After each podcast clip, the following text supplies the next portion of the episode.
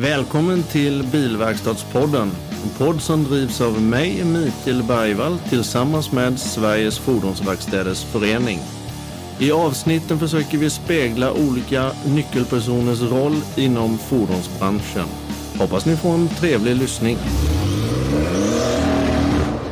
Ja, då är ni välkomna till podden för ännu ett avsnitt som den här gången eh, delar med sig lite tankar och idéer om däckbranschen och däck och äntligen måste jag säga så har jag fått hit Lars Bergmark från Bridgestone. Välkommen Lasse. Tack så hemskt mycket. Vi har ju suttit nu i en timme och diskuterat helt andra saker men väldigt eh, spännande. Ja, ja men verkligen. Det är, det, är, det är kul när man träffar människor som också är engagerade i olika frågor och mm. till viss del också liknande frågor. Mm. Jättekul. Absolut, mm. absolut. Du är ju tillbaka i däckbranschen nu. Du hade ett kort litet uppehåll. Mm. Eh, och jag vet ju att du engagerar dig i mycket eh, saker. Och, eh, men, men du har ju varit i däckbranschen väldigt, väldigt länge. Mm. Om vi tar det från början. Men vi kan ta när Lasse var liten, så kan vi säga. Var växte du upp? Ja, inte, vi, vi, sitter, vi sitter ju i Alvik nu ja. eh, och eh, inte allt för långt härifrån så finns det ju en kommun som heter Solna. Ja. Där växte jag upp. Okay. Och eh, eh, i en tredje generation faktiskt. Mm. Så att jag, jag kallar mig för äkta stockholmare men egentligen är man ju äkta solnait Ja. ja. Är du eh. aik måste jag fråga? Nej, jag, är, jag, jag brukar säga att jag är världens mest boring person. Alltså jag, du är styrkelyftare? ja, exakt. Styrkelyftaren, ja. Precis. Ja. Nej, men eh, jag har inte varit särskilt sportintresserad och sådär. Eh, men det är klart att man har varit på Råsunda stadion och sett mm. någon eh, hemmamatch på AIK eh, mm. med farsan eh, och med någon kompis när man blev lite äldre. Absolut. Ja. Men nej, AIK skulle jag inte säga. Du, är det, det, är alltså inte bara din ödmjuka sida som talar nu, utan det är verkligen så här att du, du, vill liksom, du säger inte det för att du inte ska gå i clinch med några bajare och, och djurgårdare. Ja, du menar den här diplomatiska? nej, faktiskt inte. Jag kan, eh, konflikträdd har nog aldrig någon kallat mig heller, nej. så att jag, jag, jag klarar nog den också. Ja. Nej, men det, jag vet inte, det, det, har aldrig, det har inte varit liksom riktigt så att jag har varit så där superintresserad av någon idrott. Nej, nej. nej. Men eh, själv då, du har väl idrottat en hel del under uppväxten och sånt? Mm. Jag har väl försökt med lite av varje sådär. Mm. Eh, jag vet morsan släppa med mig på både det ena och det andra ja. och ingenting var roligt. eh, men sen eh, var det faktiskt så när jag var, det var någon, de kom, de kom till skolan då från eh, handbollslaget eh, Ventorp Solna. Ja. Det var ett stort Ventorp eh, i handboll, det var väl aldrig någon elit så i laget men det var en rätt stor klubb och man fångade upp unga grabbar och tjejer och det var kompisar i klassen som spelade handboll och mm. då var vi väl en eh, ja, jag tror att jag var 8-9 år eller någonting ja. när jag började. Så spelade faktiskt ganska mycket handboll, även eh, uppe i lumpen med regementslag och sådana där okay. grejer. Eh, men jag var ju egentligen helt värdelös. Eh, ah, men, ja. men, men 1,72 lång och, och, och, sådär. Så, så att, ja men eh, med Vranje ja, jo, där, ja. där någonstans har vi väl liknelser kanske, ja, liksom fysiskt sådär. Men jag tyckte att det var jäkligt kul att mm. spela handboll, det gjorde jag. Det var mycket turneringar och vi åkte runt och sådär. Det, det gillade jag. Och laget, teamet liksom, det var skitkul. Jag har förstått på en god vän till mig som spelade rätt upp, högt upp mm. i serien också att det är, det är, en jävligt tuff sport. Alltså. Ja, det är tufft. Man, man lär sig ta mycket stryk och ge ja. en hel del stryk. Och det, det är väl liksom någon, någon sorts kampsport med boll så här ja. på något sätt. Och det, det tar lång tid innan domaren blåser av. Och, ja och så. Så att man, man, man, får ju stå ut med en hel del. Då. Eh, och jag är vänsterhänt, hjälpte väl till lite grann, spelar ju en hel del på linjespel ja. och där får man extra mycket stryk ja. och, och, så. så att, men men det, det har inte riktigt varit något stort problem för Nej. mig genom åren. Sådär, faktiskt. Att liksom, Nej. Nej, det förstår jag. Du ja. behåller ju din fysiska form eh, ja, tack, så. tack så mycket. Ja, mm. Tvungen att fjäska. Nej, ja, men det, det är faktiskt faktum är ju det att du gör det. Ja. Men eh, om vi fortsätter med, med uppväxten där då. Mm. Det var syskon i familjen ja, och... Exakt, en mm. tre år äldre syster eh, mm. och en eh, brorsa. eh, som heter Charlie, eh, som är eh, åtta år yngre än vad jag är. Eh, vi har eh, samma morsa och farsa. Han är i branschen med va? Ja, han jobbar ju faktiskt i samma företag som jag gör. Ja, så är det ja. han, han började på Bridgestone eh, några år före mig. Mm. Och har också varit på eh, Vianor och han har eh, varit på Däcka. Så, men det här är första gången som vi faktiskt jobbar tillsammans och det är, det är spännande. Ja, det Eh, förstår jag. Ja, det är kul. Du kommer in i en roll lite också då när du kan eh, markera lite vem det är som eh, bestämmer i familjen kanske. Ja, eh, precis. Men det har, så har det alltid varit. Ja, det har varit så, Ja, ja. nej då. Får höra vad man säger om det. Ja, nej, men li, lite skämt och lite allvar. Det är klart att vi, vi pratade om det och jag pratade ju med, med mina chefer om det under rekryteringen och, och, och sa att det, det här kan ju vara ett hinder. Eh, så. Men, men så såg man det inte på Bridgestone, vilket jag tycker är, är rätt så stort också.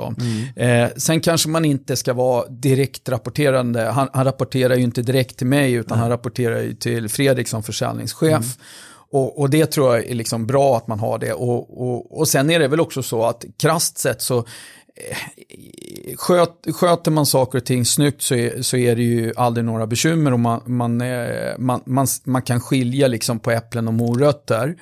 Men det är också så att eh, eh, det, det är nog egentligen jobbigare för honom än vad det är för mig. Ja, ja.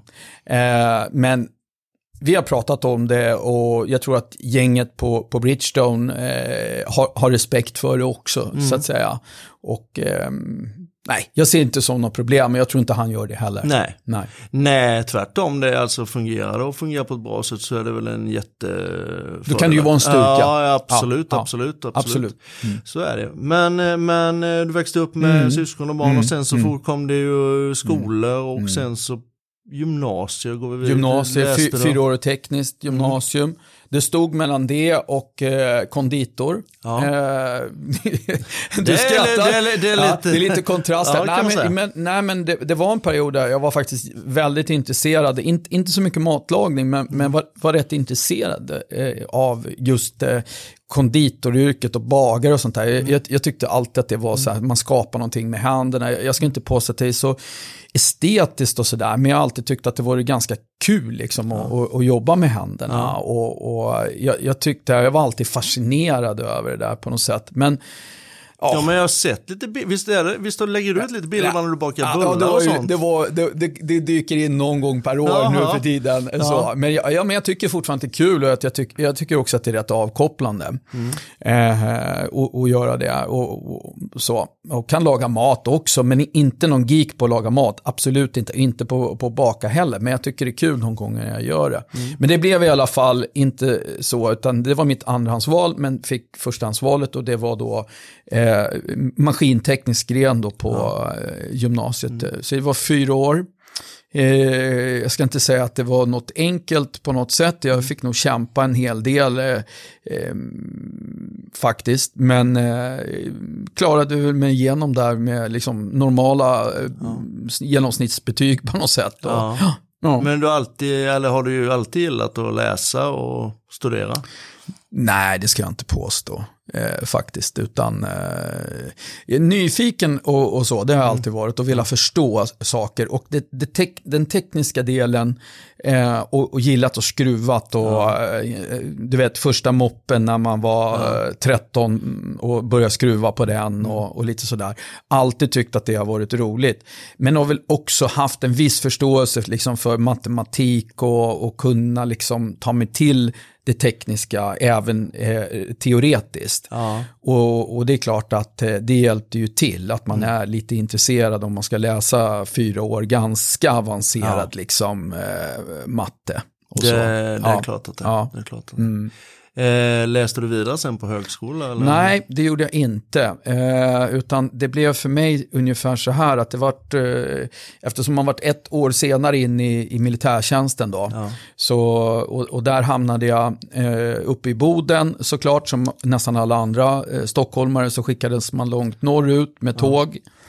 Och eh, hamnade på, självklart då, ingenjörsförband då, på Ing 3 Ja. i Boden.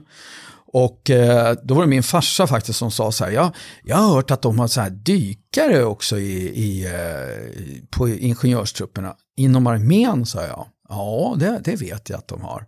Och så började jag snoka lite grann på det där och eh, då hade jag sån tur att just det året skulle man utbilda ett antal då som, som kallades då för rekognoseringsdykare då, mm. inom ingenjörsförbandet. Mm. Och, eh, då jag var räka måste jag säga på Ing 2. Ja, då, då vet du. Ah, ja, men, men, hade man dykare då? Nej, eller? vi hade dykare. Nej, för det brukade vara varannat, var tredje år ah, så utbildade okay. man en dykgrupp. Då, för det, det, var lite, det, det tog lite tid och det var, kostade ja, pengar för dem och sådär. Så att, eh, men i alla fall, då skulle man ha det det här året och eh, man, alla som ville fick söka. Alla som låg inne då, eh, oavsett liksom vad man hade för grund. Ja.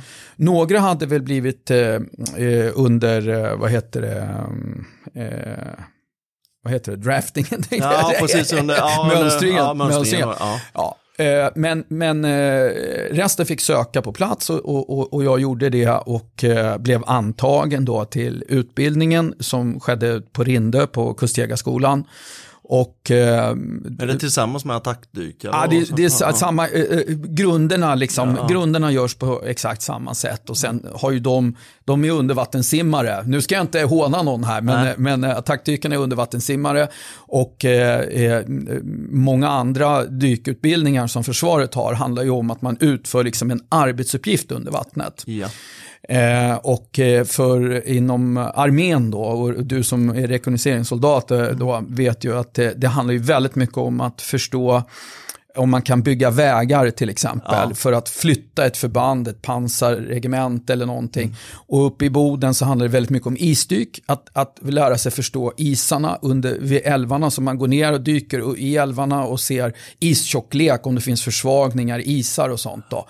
Så man gör väldigt mycket beräkningar också. Så ja. först dyker man och gör mätningar och sen så gör man eh, frihängande is eh, och sen så räknar man på hur långa avstånd du kan ha mellan fordon till exempel exempel. Okay. Så, så, sånt gjorde vi väldigt mycket. Och Jävligt var, spännande. Ja, spännande och ja. väldigt avancerad dykning. Att dyka i, med is och strömmande vatten, det gör inte ens försvaret. Så att, eh, då, då, måste den här typen av Eh, personal in då. Så att vi, vi gjorde väldigt mycket sådana dyk och eh, jag fortsatte med dykning efter. Ja. Men hade du, hade du ja. prövat dykning innan? Nej, ingenting. Jag kunde ingenting om dykning innan. Nej. Nej jag tänkte i och med att din eh, pappa då... Nej, det var, det var jag vet inte, Nej. jag vet inte varför han Nej. ploppade upp med det där. Så att, ja, det är ju jätte... Ja, Nej, men det var en ja. fantastisk utbildning och eh, i och med det då så får man ju också de här eh, marinens yrkesdykarcertifikat som man mm. kunde använda civilt. Så att jag fortsatte med det civilt efteråt efteråt. Okay. Så jag jobbade med dykning ungefär ett år efteråt på en, en dykfirma ute på Lidingö som heter Dyk och Marinteknik. Ja, det innebär att man är ute och besiktigar? Eh, Nej, eh, byggnadsarbetare under vattnet. Ja. Det var typ det. Då. För vi lärde oss ju mycket att hålla handverktyg, bergborrningsmaskiner, kunna spränga bort sten om de låg i vägen när du skulle flotta till exempel ja. och sånt där. Så att väldigt mycket sånt lärde jag mig i, i, i det militära. Då. Och sen så fortsatte vi i, en, ja, i den byggfirman då. Så att, um, och tanken var att jag skulle ut på Nordsjön och dyka ja. på plattformarna och mm. så. Men eh, den här firman var väl kanske inte riktigt eh, så eh, seriös som jag tänkte. Nej, okej, okej, okej. Så var det. Ja. Och då kom det till att eh, en kompis till mig frågade, ska inte du också läsa ekonomi? Eh, för det ska jag göra. Vi hade ja. gått i gymnasiet, eh, en del ihop i alla fall, och vi kände varandra innan. Och då sa jag, ja men det var en bra idé. Mm. Så då slutade det där och så läste vi en sån eftergymnasial utbildning eh, på Frans Schartau's handelsinstitut. Så läste vi, man läser in tre år ekonomisk eh, på ett år, fast ja. man läser bara de ekonomiska ämnena då. Mm. Så att där, där, fick jag en liten grund i, i företagsekonomi då. Men det är i princip det jag har pluggat. Mm. Eh, så. Um, och sen, då började min däckkarriär efter det. Och då Jaha. började jag på Michelin. Jaha. Ja, så det, där, jag började på Michelin 91 och, eh, Alltså däckkarriären började efter din ekonomiska ja, utbildning där alltså? ja. Okej, Då sökte ja. jag en tjänst på, eh, som jag såg en annons i tidningen. Mm. På den tiden annonserades jobb i tidningar för de yngre Men, lyssnarna. men, men att ja. du liksom eh, fick upp, eh, du hade liksom inget eh, initierat intresse för däck Nej, jag, kunde, jag, visste, jag visste knappt vad Michelin var, Nej, ärligt talat. Utan, Bibendum, det är den man Bibendum, ja, det är Ja. klart att man kände väl igen ett starkt varumärke sådär. Och man ha, ha, hade några bilar och Ja. moppar och, och lite sådär. Men, eh, eh, eh, men jag, jag, jag- tyckte att eh, farsan är säljare, eh, var säljare, han är pensionär idag. Eh, säljyrket verkar ju kul. Så, Ja. ja. Där tjänar man degen istället för Ja, bakaren. ja, ungefär så ja. ja. Exakt så. Nej men, eh, och, och eh, 91 då när jag sökte, det var, det var rätt, det var rätt tajt nålsöga. Det var, det var ju lite, det var rätt hög arbetslöshet och, och så under den tiden. Det var lite tuffare ett tag i, i Sverige. Var du någonstans 24-25 någonting där? Nu ska vi se, jag är ju född 68. Ja, då var du, Ja. jag, jag, jag var 21, Ja. eh, 21, du måste ha varit 23 eller Ja, någonting. ja. Så jag var rätt ung för att komma in på Michelinskolan ja, då. absolut. Och hade väl lite tur kan man väl säga. En ikon i branschen, eh, P.O. Karlsson, om man lyssnar. Så hej hej P.O. Eh, och jag, vi, vi hade, han var regionchef i Stockholm. Och var den som tog emot mig på intervjun. Det hade jag ingen som helst aning om. Men P.O. bodde i Solna. Ja. Och P.O. var kund till mig där jag jobbade extra. På en, en Vivo-butik. Ja, okej. Eh, jag, jag jobbade i Chark där och, och stod och sålde helt enkelt Ja. till eh, alla som ville köpa delikatesser i Solna. Ja. Eh, och eh, PO kände ju igen mig direkt och jag kände ju självklart igen honom för han var stamkund hos oss Mm. där. Han bodde väldigt nära butiken. Och då var det ju sådär, men tjenare, eh, det är ju du på Vivo. Aha, Okej. ja. Eh, Ja, då hade att- han fått lite f- positiva Ja, signaler. tydligen. Ja. Så att, eh, tack än en gång PO för att du eh, tog in mig i branschen. Ja. För, det, för det, det hade jag nog inte lyckats med annars, ärligt talat. Jag var ung och, och, och, och, och ingen yrkeserfarenhet eller någonting. Och jag tror att PO hade säkert en hel del kandidater att välja på. Mm. Eh, men eh, kom in på Michelinskolan. Måste stanna lite där bara. Jag har ju pratat med mycket folk i däckbranschen. Mm. Alltså Michelin, den ingången i däckbranschen. Mm. Tar vi de här killarna, Göran Bengtsson och all- alltså, det- men du, kan, du kan räkna upp eh, en, en, en väldigt massa, Ja. även hos oss på Bridgestone så har vi ju ett flertal som, som, Som eh, börjat, ja, Peter, ha, Peter Hammarström, Fredrik, alltså det, är ju, det, är ju, det är ju ett, gäng som, och, och, och säga vad man vill om, om eh, våra konkurrenter, Mm. jag har väldigt stor respekt, nu har ju varit hos många också, ja, ja. men jag har väldigt stor respekt för, för många av våra konkurrenter. Och, men Michelin är otroligt duktiga på att eh, eh, utbilda eh, sin personal eh, från grunden enligt en, en, en, eh, en norm eh, som gör att man får en, en väldigt bra plattform och lär sig tekniskt från, från ax till limpa, tunga, lätta däck, eh, hur det fungerar och eh, eh, dynamiken i marknaden är ju liksom en annan del. Den får man väl lära sig liksom lite utanför det.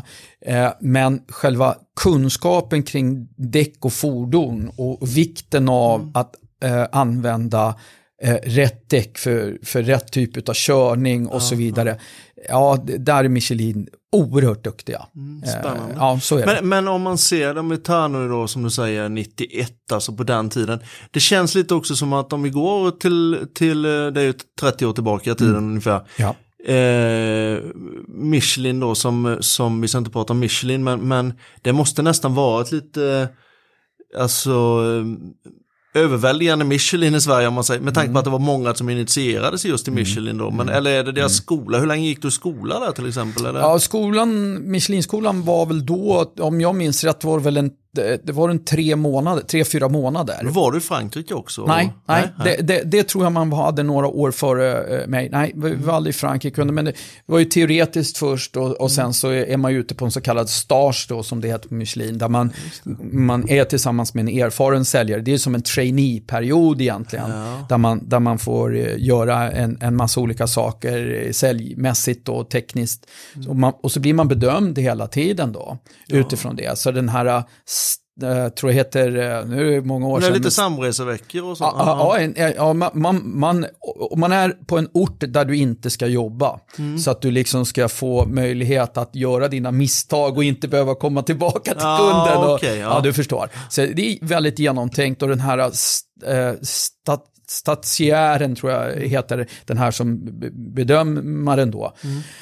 Eh, han då som det ofta är, den i alla fall då gör en, en slutbedömning av dig som kandidat. Då. Ja. Och, och eh, ja, och all, alla blir ju inte godkända, utan det är ju en provanställning under den här perioden. Och, ja. eh, men blir du godkänd så kommer du tillbaka till, din, eh, till ditt arbete och, och, och ta tag i det ja. liksom, när du är färdig med skolan. Då. Så att, och jag skulle ju då eller jag började ju då som, det heter då PLGC. Mm. Och det, det innebär det lastbilsdäck och entreprenaddäck mm. som jag jobbade med i Stockholm, Roslagen och Mälardalen i, i ett antal år. Då. Och lärde mig oerhört mycket om det och eh, tyckte att det var, eh, ju större desto bättre. Mm. Så att jag jobbade ju väldigt mycket med entreprenaddäcken och eh, ja, lärde mig en hel del om entreprenaddäck under den tiden. Ja.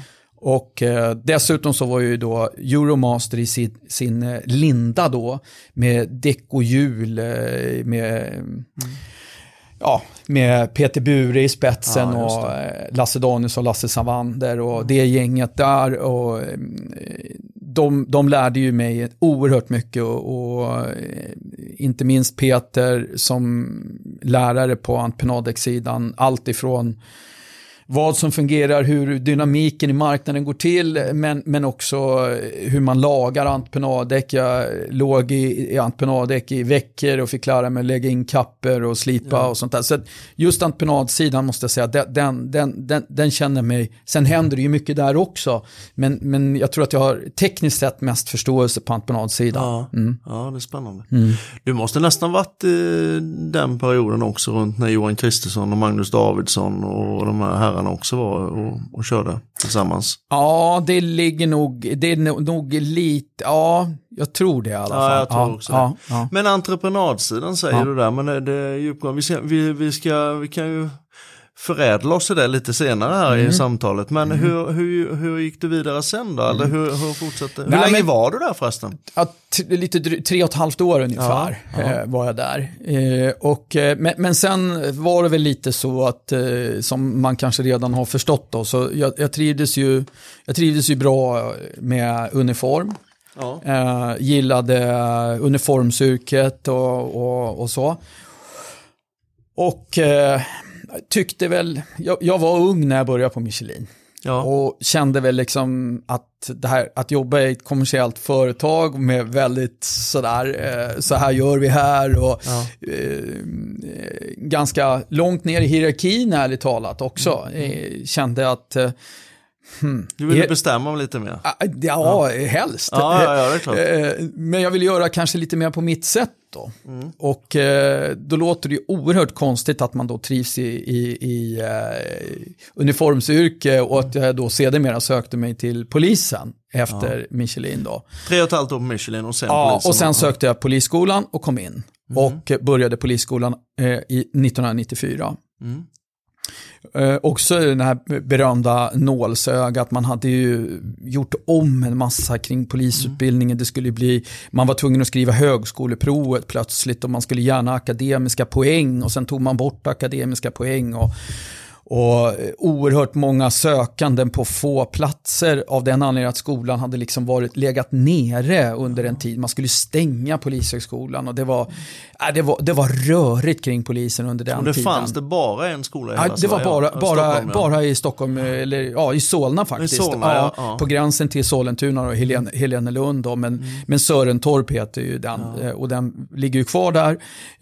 Men det var enda sättet att, att utbilda sig då, det var där. Och vi var, du vet, det var ja, över 6 000 sökande på eh, några få platser. Ja. Så man var ju tvungen att ha liksom topp på allt för att komma in. Liksom. Eh, Och, och eh, det, det, eh, för, mig, för mig kan jag säga, det var, det var eh, en väldigt, eh, vad ska jag kalla det för? Jag kände mig väldigt utmanad taggad att göra det, men jag förstod också att jag hade vissa saker emot mig. Och eh, då kan man ju fundera på, vad var det då, då? Jag visste att jag var väldigt svag på svenska och jag har alltid varit då. Jag, jag, eh, jag har varit klassad som eh, dyslektiker och det ena med tre. Jag tror inte själv att jag är dyslektiker. Nej. men men eh, jag har alltid haft det tufft liksom med att och, och framförallt skriva. Eh, Jag har inte några stora problem att liksom förstå och, och prata och läsa och, och så, men skriva var tufft. Stavning framförallt då. Och det, det har det varit från, ända upp gymnasiet hade jag extra stöd Ja. i svenska och sådär.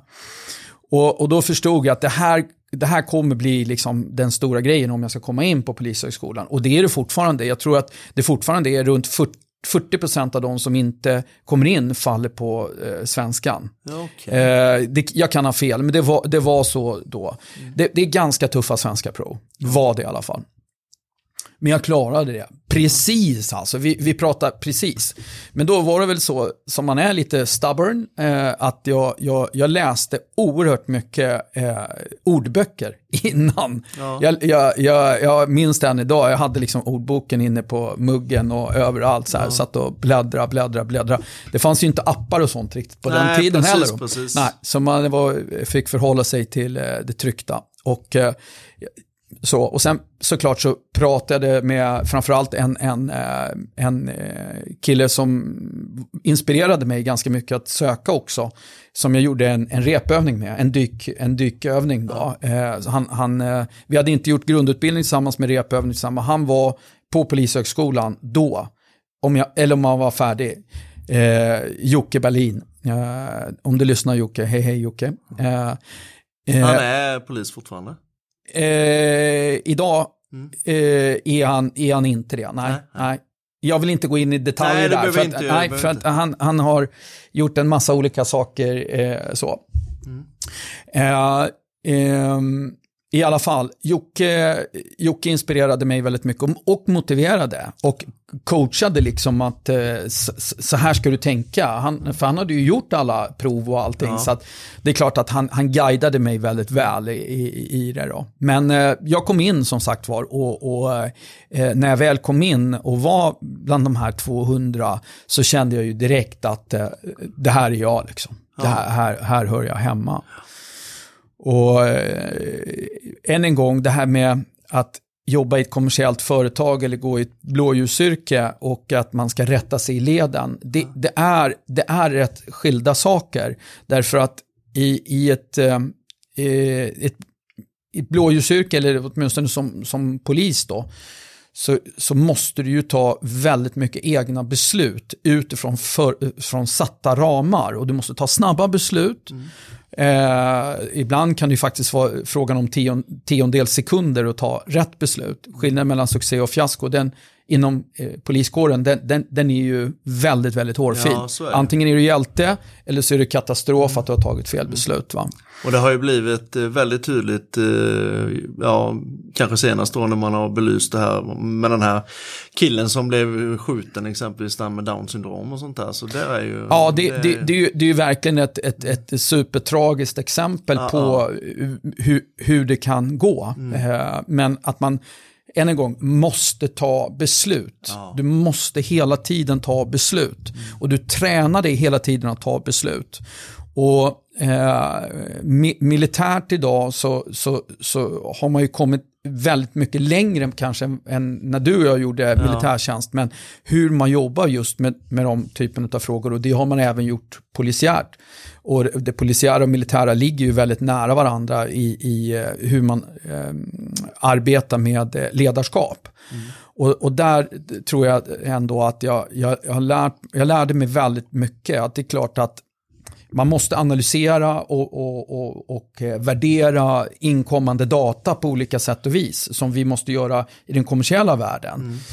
Men det är också lika viktigt att gå till beslut, så att mm. säga. Ja. Eh, och, och, och, ibland så är ett, eh, ett snabbt beslut viktigare än att analysera i, till förbannelse, ja. om du förstår vad jag menar. Absolut. Eh, därför det kan ju verkligen vara skillnaden på den här succén eller fiaskon. Ja, ja. Och, och det, det, tror jag är någonting som jag verkligen har, har burit med mig in i mitt ledarskap som jag har idag. Ja, du har alltid varit intresserad av ledarskapet, jag förstår. Ja. Har du själv varit med i en sån situation när det har handlat om sekunder? Och, och Ab absolut, ja. absolut, absolut. Inom eh, polisyrket? Ja, absolut, ja, ja. absolut. Mm. Men hur uh, fortlöpte det med, med själva jobbet om man säger så? Du gick polishögskolan mm. och, du, och hur, mm. Hur många år var du där? Jag var bara som, som färdig polis, polishögskolan då var ju tre år varav ja. eh, ungefär ett och ett halvt år var ju, eh, eller förlåt, ett, ett år var eh, praktiktjänstgöring då där man, är poli, man har polismansstatus då. Så att ute med uniform och eh, så att säga, åkt radiobil sammanlagt eh, fyra och ett halvt år ungefär i eh, framförallt västra Stockholm då. Mm med utgångspunkt i polishuset i Solna. Mm. Men jag var även inne på Norrmalm ett år ungefär och ja. släpade fyllon som jag säger. Ja, precis. För det är ungefär precis. det man gör där. Ja, mm. jag kan nog se mig, eller jag kan se mig, jag har ju sett dig som polis också ja. i uniform såklart. Så jag sökte själv till polishögskolan nämligen ja. 95, 96 ja. Men, ja. men eh, jag valde en annan, jag valde att hålla på med musiken istället. Ja, det, det gick ju det är väl sådär bra. Ja, det Ja, men eh, jättetrevligt. Men du var där i tre och ett halvt, mm. fyra år sedan då? Ja, sen så, så, totalt så, mm, man, man blev ju anställd från dag ett, men vi hade ju ingen lön och så här, man hade ju gjort om allting, så det var ju studiebidrag och så som det är idag. Ja. Men... Eh, Placeringar och sånt då? Det, det ja, väldigt... placeringen var i stort, sett, i stort sett klar när man kom in då på den tiden. Idag ja. utbildar du ju och så får du söka en, en tjänst. Mm. Så var det ju inte då. Du var ju mer eller mindre garanterad att få en, en tjänst ja. eh, på eh, din hemort. Så idag kan du alltså gå på ja. Polishögskolan ja, men inte, inte få något jobb. Ja, så är det. Absolut. Okay, okay. Det är som vilken utbildning som helst. Okay, okay. Mm. Men det finns på, jag vet att det finns i Växjö bland annat, Polishögskolan. Nu ska vi se, Växjö, Umeå, Malmö eh, har de öppnat och sen var det ytterligare någon tror jag mm. du kan gå. Du kan ju även läsa rätt mycket på distans idag. Ja. Och, du, och idag är det också rätt spännande faktiskt, för idag kan du ju börja när som helst. Mm. Tidigare var det de här intagningarna det. Idag kan du faktiskt typ imorgon gå och säga så här, jag skulle vilja bli polis. Och så ja. kan du börja läsa och, och, och, det tycker jag är en, en enorm förbättring. Och även i lite äldre ålder med va? Absolut, ja. jag, jag har eh, en, en bekant, i, det är frugans eh, eh, en av frugans när, närmsta vänner, hennes eh, man, och han är väl, eh, de är några år yngre, men säg att han är, oh, hur gammal kan han vara, 43, 44, ja. någonting, 10 år yngre än vad jag är. Ja. Han går nu, ja. han läser nu. Han är inte färdig än. Så att, eh, Nej, jag tror det är jättebra. Det är ju fantastiskt. Ja. Det är ju helt uppen. Ja, det, är, det, det är superbra. Fått lite livserfarenhet Absolut. också och komma ut. Och, och... Men hur kände du dig själv när du kom ut? I, nu känner jag att det spånar in lite på Jag, jag är nyfiken det... på det. Men hur kände du när du kommer ut första dagen i uniform och du ska stå på egna ben? När du inte åker med kollegor? Alltså när du, jag förstår att det blir pass när ni är två stycken också såklart. Ja, men det, det, det är ju en av, det, det är en av de fina bitarna med ett sånt eh, typ av yrke, att du, du har ju en väldigt eh, strukturerad ja. Eh, utbildning som, som också liksom fortsätter ut på fältet. Ja. Och det vet ju alla att det är där man verkligen lär sig ja. hur ett yrke går till. Och eh, det gäller ju att ha bra handledare. Mm. Och sen är det väl som någon handledare till mig sa också att det viktiga är inte att göra exakt så som, som jag gör, Utan du, utan du ska plocka det som jag gör bra och så plockar du det som är bra där du ser av andra. Och sen så kokar du ihop det till någonting som du tycker är bra. Mm. Och så att, nej, jag, jag än en gång, jag, jag trivdes eh, som fisken i vattnet mm. eh, från dag ett. Så det, det, var... Kommer du ihåg ditt första ingripande? Oj. Eh... Jag utbildade mig till väktare och ordningsvaktare ja. i samma veva och, och, jag kommer ihåg precis första ja. gången jag tog en butikssnattare. Kommer jag så ja, ja, ja, exakt ja. Mitt första ingripande. Alltså med 90 99% säkerhet så var det nog ett, något trafikbrott alltså. Ja. Du vet ju själv, det, mm. det, det, det, ble, det faller sig naturligt. Du vet, någon kör mot rött eller mm. så här, ja hur gör du nu? Mm. Ja. så där, ja, och då var man ju stenhård såklart och följde boken och man ja. kunde ju inte släppa någon. Och sen efteråt så blev det lite så här, hur kändes det där? Mm. Sådär. Men det är därför många man pratar med säger, ah, men han var, det var en nyutexaminerad polis. Exakt så, så, så, det känns va. Jag blev själv stoppad i en trafikkontroll för ett halvår sedan ja. eller något och då var det ju, man har ju västa på sig när man är under utbildning och sånt ja. här. Och uh, i regel så får man ju blåsa visa körkort. Där, där vet du, där kollar man varenda ljus på bilen och allting. Jo, jo, jo, jo. Det var, ja, det, var, det är spännande. Ja. Det är spännande. Ja. Mm. Men, men eh, du kände inte riktigt ändå att polisyrket var, eller började no, det vackla redan? Nej, jag, nej, nej, absolut inte. Jag, jag, jag, säger det än en gång och alla som lyssnar och som har, har möjlighet eh, att bli poliser så, så kan jag säga att bli det, det, det är ett av världens absolut bästa yrken och mest meningsfulla jobb ja. man kan ha i, i mitt tycke. Skydda demokratin, hjälpa, och ställa till rätta. Mm. Eh, skydda, hjälpa, ställa till rätta. Det står i polislagen och det är det man gör. Och använder man det på rätt sätt eh, och inte missbrukar det på något sätt så är det än en gång ett av världens finaste yrken och, och, och, och det, det står jag verkligen för. Mm. Eh, för mig var det så, och, och, det är väl att man är en orolig själ i botten tänkte jag säga, men att man hela tiden är nyfiken och vill vidare. Eh, där tyckte jag då, eh, vi, vi pratar ju här nu då i, i eh, ja, slutet på 90-talet då, att eh, Polismyndigheten var fortfarande rätt trög i att du, du, skulle ha dina tjänsteår innan du kunde gå vidare. Ja. Nej, du får åka radiobil några år till, jag sökte några tjänster. Ja. Och eh, idag är det annorlunda. Idag kan du göra liksom en hit, jag säger inte karriär, för det var inte riktigt det jag var ute efter. Nej. Men att göra någonting annat än att köra, åka radiobil. Mm. För när du har gjort det i Stockholm i kanske fyra år då som jag har gjort, mm. då, då, har, då, då, går du runt rätt mycket efter ett tag. Och, och är man lite nyfiken och vill vidare, mm. du har varit på eh, x antal dödsfall, x antal allvarliga trafikolyckor, du har varit med om några, eh, på den tiden gjorde man bankrån och värdetrans, mycket värdetransportrån. Ja, jag, jag vet inte hur många värde värdetransportrån. Ja, och så vidare och så vidare och så vidare. Liksom, du, du, du har gjort alla de här bitarna och inte att förringa det på något sätt. Det är ju jätteviktigt att ja. göra det. Men det blir ju ändå så här, nu, nu är jag ganska, liksom, nu har jag rätt bra koll på de här bitarna. Mm. Och då ville jag vidare och göra någonting mer. Och för mig, för mig var det så att jag ville jobba internationellt inom polisen. Mm. Och eh, det, det, det, började redan när jag gick på polishögskolan. Att jag, eh, Insatsstyrkan då? Eller nej, nej, nej, nej, jag har inte varit eh, det här med eh, skjuta och... och du har inte varit den här baseballligan? Nej, nej, nej, nej, nej, nej, nej, nej, nej, inte piketen och liksom de där bitarna. Utan, utan snarare att jobba internationellt. Det skulle kunna vara allt ifrån, eh, eh, som ju var väldigt utbrett såklart redan då, med eh, droger över gränser, eh, människohandel, eh, alltså alla de här bitarna. Som, det påbörjades ju väldigt mycket under de här åren. Idag ser det ju helt annorlunda ut hur man jobbar över gränserna. Mm.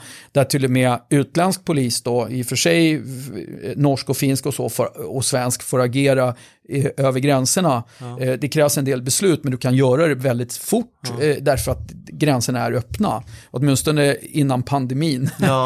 Ja, jag kan se med alltså lite profilen ja. där som eh, Simon Häggström som vi pratade om lite tidigare. Ni är nog lite samma. Ja, men, men, men det gäller att man, om, man brinner, liksom, om man brinner för människor som jag alltid gjort och varit väldigt nyfiken kring människor. Ja. Då, då, då är det liksom de bitarna som jag verkligen hade velat jobba med. Och, och du vet, i, polisen har ju sambandsmän på ambassaderna runt omkring ja. i världen och sånt lockade mig väldigt mycket. Och, och, och, det hade jag bestämt mig för redan när jag sökte till Polishögskolan. Att i den riktningen vill jag gå. Och bland annat eh, därför så var jag på svenska ambassaden i Tanzania. Jag var på UD först en månad och sen på svenska ambassaden i Tanzania okay. en månad. Och fick se hur man jobbar på en beskickning. En av eh, Sveriges största beskickningar, i och för sig mycket Sida-människor och så. Men eh, den är stor. och eh, det var eh, en nära vän till mig som hjälpte till att fixa det, Martin. Eh, som Martin Pollack, hans eh, styvfar Thomas Palme, han var ambassadör i, i Tanzania under de här åren. Så det var på den vägen jag kom in. Och eh, än en gång, målet då var ju att, att eh, jag ville lära mig och, och, och förstå liksom hur det här funkar för att sen när jag väl var polis liksom skulle kunna liksom hitta liksom spåret framåt ja, i det. Ja, och då när jag sökte eh, några roller, och det var ju absolut inte att jag sökte några utlandstjänster, för det Nej. förstod jag att äh, det krävs nog lite till och lite mer utbildning och så. Men jag sökte på en, en uh, utlänningsrotel som det man i princip gör, eller gjorde då i alla fall, det var att leta upp människor som inte hade rätt att vara i landet av ja. olika skäl. Och även löste mycket kring papper och, och migration och så. Ja. Men då var det lite så här, nej men du har ju bara åkt radiobil i några år, du får ja. nog åka några år till. Och då kände jag så här, okej, okay, det är den nivån. Och sen så fick jag en möjlighet att, att börja jobba lite i ett it-företag.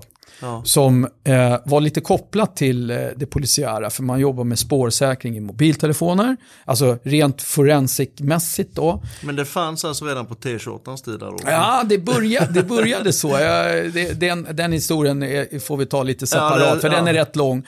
men men, men det, det här bolaget i alla fall var väldigt, väldigt duktiga på mobiltelefoner och man hade inte riktigt den här eh, produkten vid det tillfället. Men jag började eh, jobba lite extra där på mina fridagar. Ja. Eh, bolaget heter Mikrosystemation eh, och det var eh, han som jag läste ekonomi med, Joel, han var försäljningschef där. Jaha. Och han visste att jag kunde försäljning och han visste att jag hade lite tid på mina fridagar. Kan inte du komma och hjälpa mig? Mm. Ja, på den vägen var det. Och eh, sen eh, var det så att en polis som heter Jerker, Jerker Jansson, hej Jerker om du lyssnar, ja. han kom till oss eh, och sa, eh, tjena grabbar, jag vet att ni är jäkligt bra på det här med eh, mobiltelefoner, mm. jag behöver hjälp. Eh, den här telefonen, jag måste få ut eh, data ur den här. Och eh, där fanns det ju en koppling mellan mig, Jerker och det här bolaget. Och eh, sen sedermera så, så eh, utvecklades bolaget Mikrosystemation till att idag vara världsledande på eh, spårsäkring i eh, eh, mobiltelefoner. Eller mobila enheter ska jag säga, för det är inte bara mobiltelefoner man har. Det kan vara en drönare, det kan vara mm. andra delar där man har data som finns i en mobil enhet. Och man plockar ur datan ur ett, i ett rättssäkert sätt som håller i rätten och som också går att använda databasmässigt, sökningsmässigt och, och matchningsmässigt. Mm. Det kan vara en, en, en bild som man är väldigt intresserad av, av en, en, en viss typ av människa eller ett visst typ av brott. Det kan vara barnpornografibrott mm. eller annat. Sms-konversationer och sånt? Allt, ah, ah, du, ah. you name it. Det kan vara återskapad data eh, som har varit deletad eh, och så vidare och så vidare. Och eh, idag är man som sagt var eh, världsledande på det här. Börsnoterat bolag, eh, sitter i, på Södermalm, Hornstull, huvudkontor. Ja. Man har kontor i USA, man har haft kontor i Asien. Eh, det går jätte, jättebra för dem. Mm. Så att, eh, spännande. Ja, det, det, var, vi, och där var jag med, vi var ju bara en... Men då, hade du, då lämnade du polisen? Jag lämnade polisen 2000 för att mm. jobba med det bolaget och där var jag i, i drygt fem år. Ja, ja. ja. Mm. Spännande. Så jag var ute väldigt mycket, framförallt sålde, men jag var även med och gjorde utbildningar för polis, tull och militär mm. runt omkring. Framförallt i, jag var väldigt mycket i England under en period, mm. för vi, vi, fick snabbt fäste där. och eh, så det var verkligen så att vi, vi, vi, vi började liksom med, vi hade kunskapen om mobiltelefoner, så kallad reverse engineering som det heter. Eh, det är hackning egentligen, man, ja. man går in bakvägen i telefonerna. Men vi gjorde det på ett sätt som var liksom lagligt och rätt. Ja. Och eh, sen så ja, utvecklade det där till, till en produkt och Eh, så att... Eh, mm. Alltså det har ju kommit att bli en, eh, alltså man kan, eh, man kan lösa de här krypterade meddelanden och så man har ju sett alltså vad det kan spränga vissa ligor, det här med, vad heter det, Encrochat? Och, ja, det, Encrochat är väl den mest kända. Ja. Ja, jag, jag, är inte riktigt lika inne i det där idag som du förstår, men Nej, jag, jag, jag och Joel är, vi, vi, vi, är goda vänner och, ja. och, och, så, så att jag får ju lite uppdateringar av honom och jag har ju en hel del poliskompisar kvar och sådär. Men men eh, ja, nej men... Eh, det... Men det, det, det, är en tjänst som man enbart får använda när det misstänks kriminell verksamhet ligger bakom, typ? Ja, med Encrochat, att man knäcker den, eh, den typen ja, menar du? Ja, ja jo, jo, men den är lite annorlunda. Nej, men jag menar den, eran ja, tjänst. Ja, ja den, den, den, den, den som eh, mikrosystemation har, den är mera att när du har den fysiska hårdvaran i handen, mm. att du, det är inte avlyssning och det är inte liksom att, att men när du har den fysiska fysiska hårdvaran i handen ja. så måste du få ur den datan på ett eller annorlunda ja, sätt. Och du, du, tänk dig själv att du har en vad, vad, de största mobiltelefonerna, hur mycket innehåll, eller en iPad, ja, hur mycket ja. data har den? Du kan, ja. du kan ju tänka dig alla dessa tusentals bilder, kalenderanteckningar, gamla sms-chattar, eh, mm. eh, Snapchat, Instagram, Facebook-meddelanden, allt sånt som ligger där mm. vill du plocka ur och göra en spegling utav för att kunna jobba med det på ett polisiärt sätt, liksom, spaningsmässigt sätt. Och då måste du göra det på ett rättssäkert sätt. För i annat fall så kommer försvaret att säga så här, den där bilden mm. som du visar nu, hur kan du bevisa för mig att du har plockat den ur den telefonen vid det tillfället med, och, och, på vilket sätt har du gjort det? Att du inte den här telefonen har blivit smittad på något sätt från det att du tar den i beslag. Ja. Du tar den i ett beslag i samband med ett brott. Ja. Eller du hittar den i en, i en, eh, vid en husrannsakan hemma hos någon. Ja. Då måste du ju kunna säkerställa att från det att du tar telefonen därifrån till att du plockar ur datan här så måste du kunna leda i bevis hela tiden att det är osmittad eh, ja, bevismaterial. Va? Spännande ja, sånt. Väldigt, ja. Eh, Men också sen då att med all denna data, hur, hur sorterar du den här datan? Mm. Hur, hur, hittar du en matchning med det här? Mm. Och det är det det här mikrosystemation och det gänget där har, har hittat eh, mm. olika system för och, och, och, och, gjort det på ett, ett väldigt, väldigt framgångsrikt mm. sätt. Då. Och eh, dessutom har man fältvarianter, till exempel, eh, jag vet att det amerikanska försvaret använder, det, är inte jättehemligt, men man använder eh, ute i, i, fält, det vill säga att du hittar en telefon på en, eh, en eh, misstänkt eh, eh, afghansk terrorist eller vad man nu må vara. och så behöver du veta vad finns i den här telefonen. För om den här telefonen finns ett, ett ett visst telefonnummer ja. eller en, en, en, eh, en bild eller någonting. Du har inte tid att stå och titta på det Nej. ute i fält på det sättet. Då kan du koppla in en, en utrustning som läser av telefonen för att se ja, om det finns en matchning. Du, du får ett rött ljus, ett gult ljus ja. eller ett, ett grönt ljus. Grönt ljus, ingenting. Gult ljus, här måste vi titta vidare inför vidare förhör. Rött ljus, grips i ja, princip det, så. Ja, det, I, ja, I princip så. Nu, nu förenklar jag lite mm. grann, men i princip så är det. Så att... Eh, ja, det är ju en otrolig hjälpmedel alltså. Ja, och idag så, du vet, du, du kan ju inte gå någonstans i princip i hela världen och du inte har en mobiltelefon. Nej. Så att den är, den, den är, det är en sån otroligt viktig del i, i, i alla brottsutredningar. Ja. Att verkligen säkerställa mm. datan mm. som finns i en mobiltelefon en liten parentes där man blir väldigt förvånad. Eh, säg att du är inne och ska köpa, jag köpte en kameraväska för ett tag sedan. Var inne på Google och sökte upp, ja, köpt, beställde och sen så eh, är man ute på Facebook 30 minuter senare och kollar. Ja, vips så har du all reklam ifrån, ifrån de här sidorna. Alltså, man, alltså vilken spårning det är och vilken, alltså vilket sätt.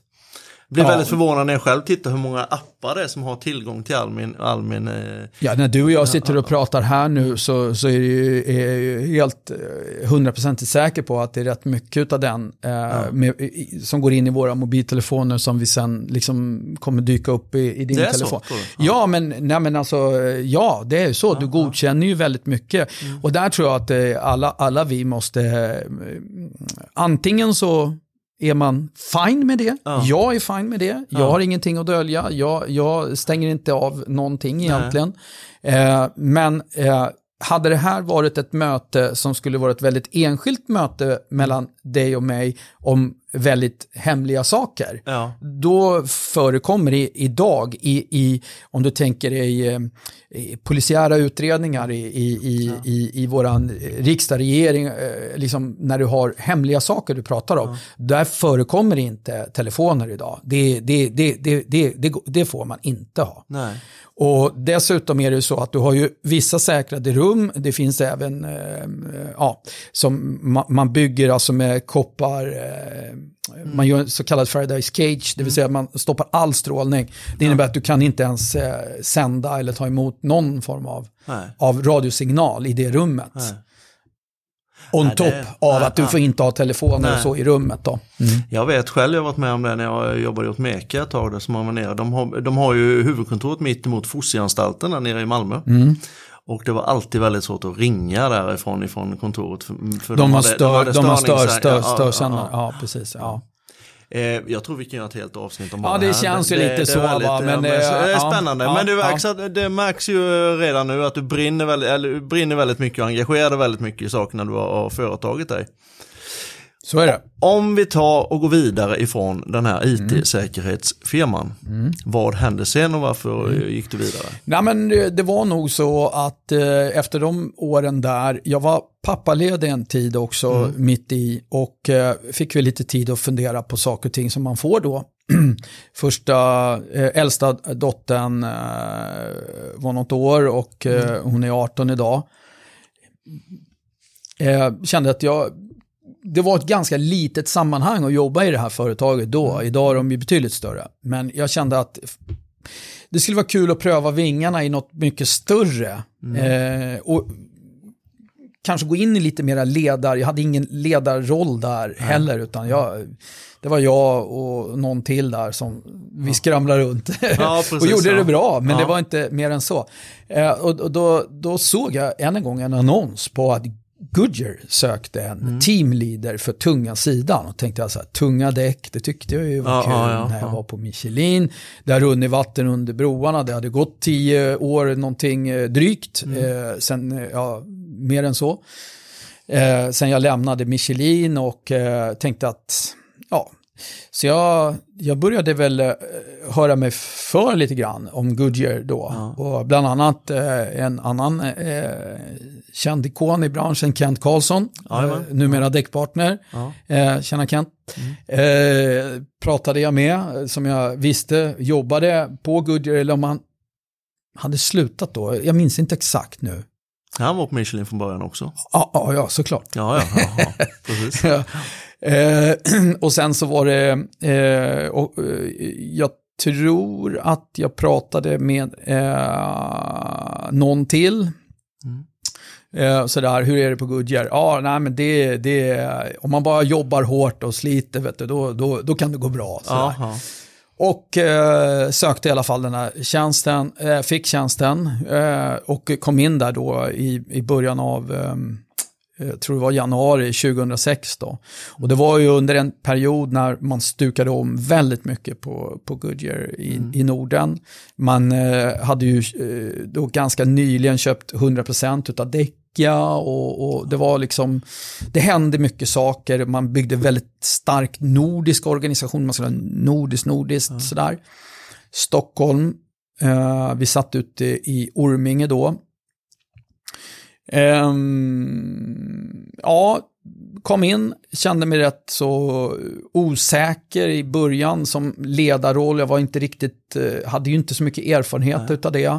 Eh, det var ett gäng där eh, på tunga sidan, rätt luttrade gubbar. Ja, ja, ja. Du vet vad jag menar va? Ja, förstår, Ja. förstår. Och de funderade på vad fan är det här som har släpats Jävla in? iller liksom. som har kommit in. Ja, exakt va. Så att eh, där någonstans, och det var väl kanske vissa som skulle ha, tyckte väl att man skulle ha fått den här rollen och, och sådär, men det blev inte så för Goodyear ville in mycket nytt och man, man tog in folk från andra branscher och, och så, ville, ville skjuta in lite nytt blod då. Och, eh, men jag, jag tror i alla fall att eh, det blev ganska eh, bra på rätt kort tid och eh, kom väl in i det här gänget och vi fick, vi fick till en hel del bra saker rätt fort. men sen var det ju en massa förändringar som skedde på Goodyear. Och eh, man, man skulle förändra ledarskapet och man skulle förändra strukturen i organisationen. Så ganska snabbt fick jag en ny roll och blev ansvarig för en del av hela säljkåren. Mm. och, men inte försäljningsansvar utan skulle bara driva säljkår ja. som Field Sales Manager hette det då, för halva Sverige. Sen blev det helt plötsligt hela Sverige bara efter en kort tid. Och då reste jag otroligt mycket och samreste med, med säljarna. Och, 2008 någonting? Ja, någonstans där är vi nu mm, tror jag. 20, 20, 2008. Mm. Ja. Det var då du och jag lärde känna varandra. Det var så va? Ja, För då var jag med som, och träffade med någon av ja. säljarna va? Som ja, hade... Mats, uh, hette han inte Mats någonting? Han har blivit någon chef också när Goodyear nu tror jag. Jag satt ju som vd på Svenska Fälg och du, vi, vi hade någon gemensam däckaffär tror jag. Ja, ja du, du Mats Sävström då, ja, vi var det, iväg på någonting där. Ja, precis. Ja, Mats är ju kvar på Goodyear, han är ju chef för eh, för tunga sidan i Norden, mm. commercial-sidan. den tiden Svante levde också. Då. Ja, ja, ja. stämmer. Ja, men där träffades du och jag vid, vid något tillfälle. Men, men sen så, så blev det ju så då att eh, eh sen skulle man stuka om och vi fick en hel del, det kom och gick nya chefer och nordiska chefer och sådär. Men eh, det var väl en, en chef där som, som kom in, eh, Erich Frick då. Han är kvar i Goodyear idag, nere i, han är väl eh, nere i Tyskland, Tyskland, Österrike, Schweiz idag som chef där. Och eh, eh, han lyssnade rätt noga när han kom in eh, på vad jag, hur jag tyckte. eh, att eh, vi borde liksom ha en person som är helt ansvarig för allt vi gör i, i, i Sverige ja. eller i respektive land. Det blir väldigt splittrat, tyckte jag ja. i alla fall, med en som var chef på tunga sidan, en på lätta sidan. Och då tyckte nog han också var rätt bra. Så då byggde han country managers då. Och då blev jag eh, country manager för Sverige mm. och var det i dryga tre år ungefär. Ja. Så att eh, halva tiden lite olika säljledande roller och halva tiden, mina sju år ungefär på Goodyear, ja. så var jag country manager med ansvar för allting vi gjorde då. Mm. Allt ifrån entreprenad till... Ja, det var rubbet. Ja, och motorcykeldäck och mm. personbilsdäck mm. och så vidare. Ja. Mm lärde mig oerhört mycket, både ledarskap och Eh, de här stora organisationerna, dynamiken i det och ja, olika det stakeholders ja, och, ja. Och, och, och, inte minst det PNL och allt med det ekonomiska ansvaret i det och, och så. Mm. Ja, det måste varit en jättemeriterande mm. tid. Ja, jo, men det var, det var väldigt lärorikt, men sen också jättebra team bakom tycker jag med duktig finansavdelning och forecasting och mm. pricing. Ja, nej, men det, det var väldigt lärorik tid för mig. Mm. Det var det kom att tänka på det nu, det var med form av kompletta hjul tror jag vi skulle leverera. Ja, jag, har för mig att ja. under, var, var det Holmgrensaffären? Holmgrensaffären ja, var det, så var Och då det. var nog Mats eh, försäljningschef på bilhandeln. Så stämmer ja. det, så mm. stämmer nog ja. Mm. Eh, jag vet, vi hade ja. ett problem med fälgarna där, balanseringen. Ja, det var någonting där, men det redde vi nog ut. Ja, det är jag helt säker. Jag vet att vi var i Norrköping i varje fall och tittade. Ja, upp. just det. Ja, mm. Var lagret där. Ja, just det, det stämmer. Har ni, fort, har ni fortfarande lager va? Eller eh, ni nej, säger, nu nej, fel Nej, det har man inte. Man har faktiskt i uh, Jönköping också. Ja, Jönköping är det med, just det. Mm. Ja. ja, det är spännande. Yes, då hade du gjort dina åtta år på Då hade jag gjort dem där. Och mm. då blev jag faktiskt... Eh, då är vi år 2011, 20, nu, nu, nu, nu, är vi 2012. 12, ja. ja, ja. Så att i början av, eh, tidigt 2012 i alla fall, då var det en rekryterare som tog kontakt med mig och undrade om jag var intresserad av att eh, eh komma och lyssna på möjlighet till ett vd-jobb för ett eh, bolag som hette eh, Solidil. Ja. ja. Uh, och uh, jag kände inte till egentligen någonting om det, väldigt mm. lite, för Goodyear hade ju inte så mycket industriella produkter, industridäck och så. Uh, däremot kände jag ju till industridäck lite från Michelin-tiden. Mm. Då, då, hade vi ju lite grann med, med ja, på gaffeltrucksidan och sånt mm. där. Och eh, ja, åkte dit och lyssnade och tyckte väl att eh, det var ju lite spännande för att eh, då, då, fick jag hela skopet beskrivet för mig att eh, Solidil eh, var ju då tillverkare av de här mm, industriprodukterna och eh, mycket massiva däck och, och, så. Ja, mycket massiva däck. grejer. Ja. men även en del luftfyllda, mycket diagonaldäck framför allt då. 12 nollor och, och sånt. Ja. Och sen skulle man då göra en, en sammanslagning, man hade precis påbörjat det, mm. med Camoplast. Ja. Och Camoplast gjorde också en del industriella produkter, men framförallt hade man ju mycket larvband. Mm.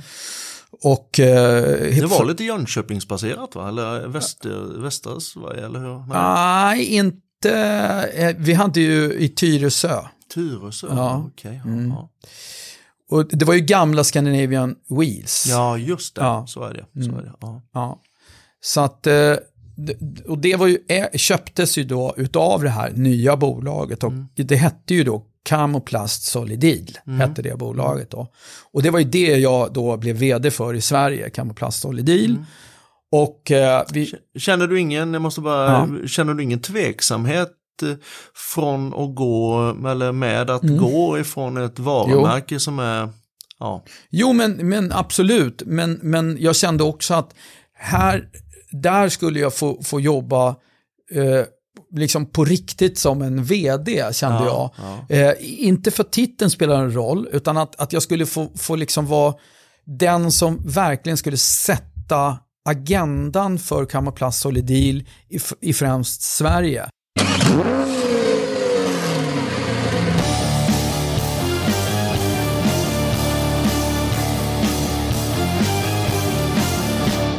Välkommen till Bilverkstadspodden en podd som drivs av mig, Mikael Bergvall, tillsammans med Sveriges Fordonsverkstäders Förening.